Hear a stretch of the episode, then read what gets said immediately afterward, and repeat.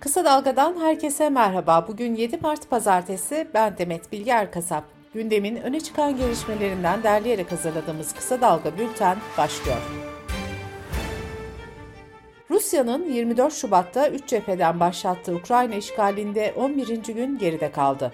Rusya askerleri başkent Kiev'in kapısına dayanırken İrpin kentinde binlerce kişi halk otobüsleriyle tahliye edildi.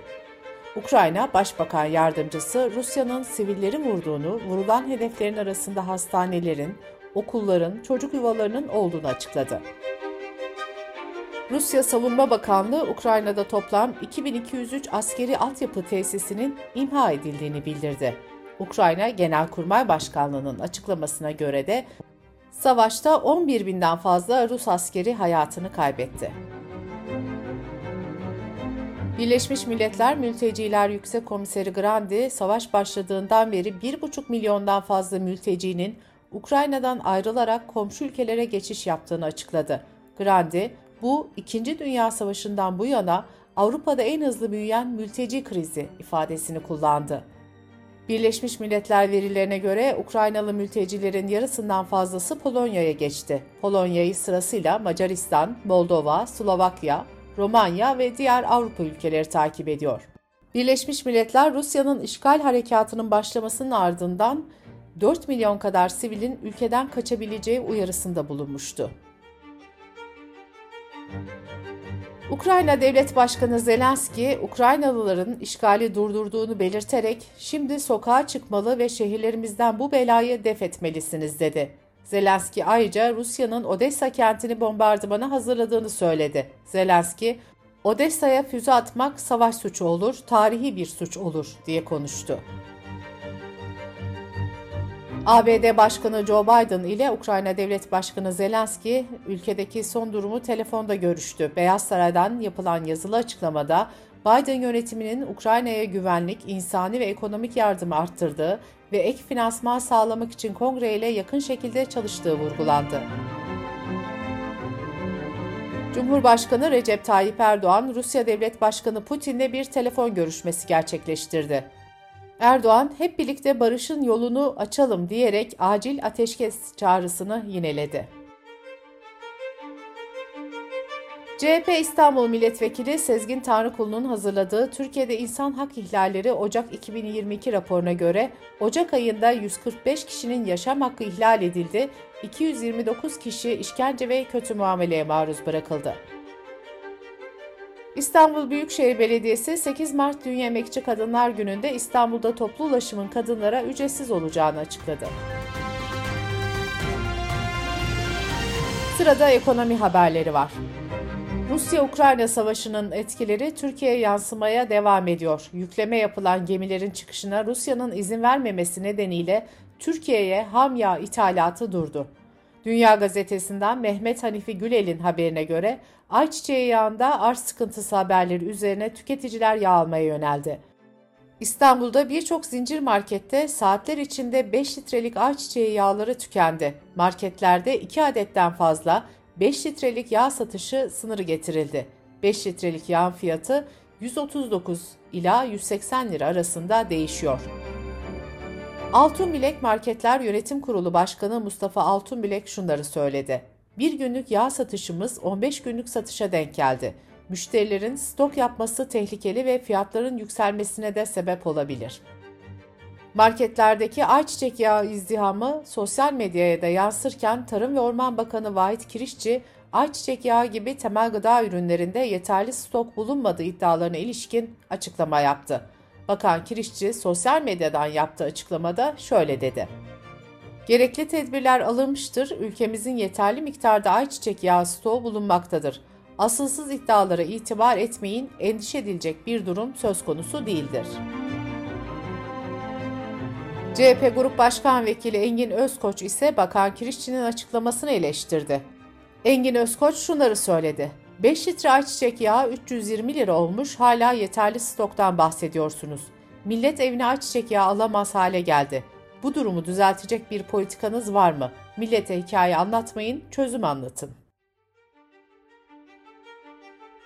Rusya'nın Ukrayna'ya saldırısının buğday ticaretini durma noktasına getirmesiyle buğday fiyatları Chicago Ticaret Borsası'nda haftalık bazda %40.6 oranında artarak 12 doların üzerine çıktı ve 14 yılın zirvesini gördü. En temel gıda maddelerinden biri olan buğday geçen ay %30'a yakın yükseliş kaydetti.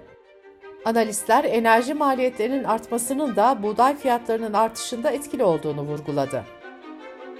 Mısırın fiyatı da bu hafta Chicago Ticaret Borsası'nda 7.82 dolarla Eylül 2012'den bu yana en yüksek seviyeyi gördü. Mısır fiyatları haftalık bazda da %14.8 artış kaydetti.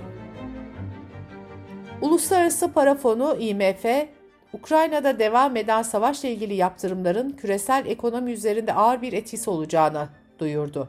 IMF'nin açıklamasında Ukrayna'nın 1.4 milyar dolarlık acil finansman talebinin de en erken gelecek hafta değerlendirilmesinin beklendiği bildirildi.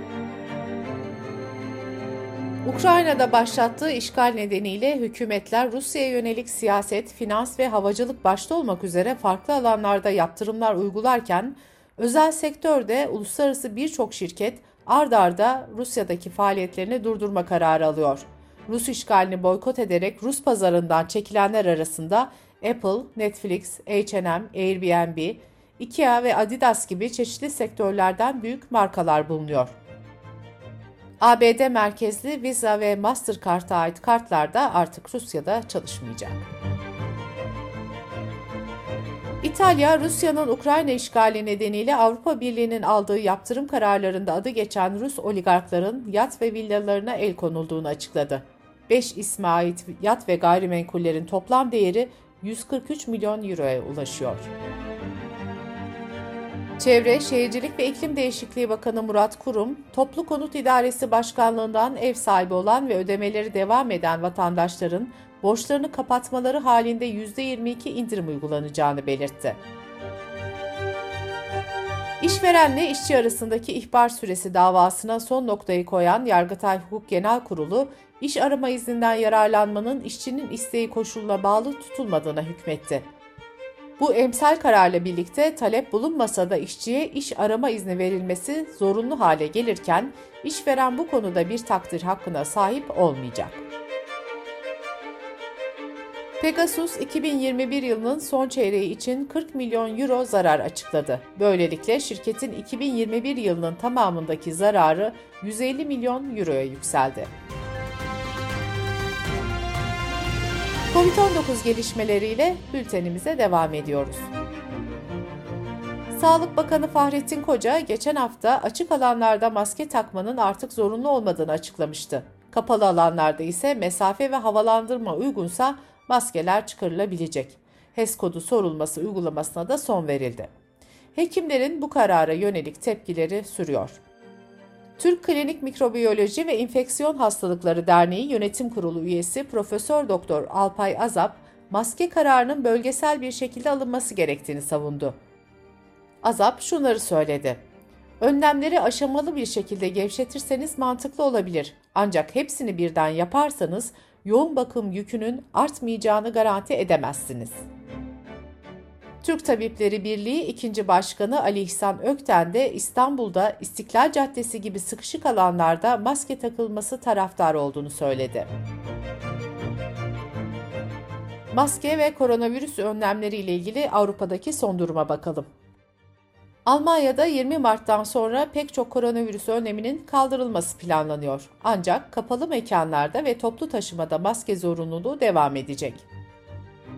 Fransa'da açık alanlarda maske takma zorunluluğu bulunmuyor. Kapalı alanlardaki maske zorunluluğu ise 28 Şubat'ta kaldırılmıştı. Ancak kapalı mekanlara girişte aşı pasaportu isteniyor. İngiltere'de açık havada maske takmak zorunlu değil. Toplu taşımada da maske zorunlu tutulmuyor ancak bu yönde öneriler yapılıyor. Japon bilim insanları tarafından yapılan bir çalışmada ikinci doz koronavirüs aşısının ardından yüksek ateş belirtisi gösteren kişilerde antikor seviyesinin daha yüksek olduğu tespit edildi. Bültenimizi kısa dalgadan bir öneriyle bitiriyoruz. Eşit Haklar İçin İzleme Derneği ve Kısa Dalga İşbirliği'nde hazırlanan Yasaksız Meydan'da Zeynep Duygu Ağbayır'ın konu olan Depo, Liman, Tersane ve Deniz İşçileri Sendikası Genel Başkanı Neslihan Acar, Migros işçilerinin mücadelesini anlatıyor. Kısa Dalga.net adresimizden ve podcast platformlarından dinleyebilirsiniz. Gözünüz kulağınız bizde olsun. Kısa Dalga Medya.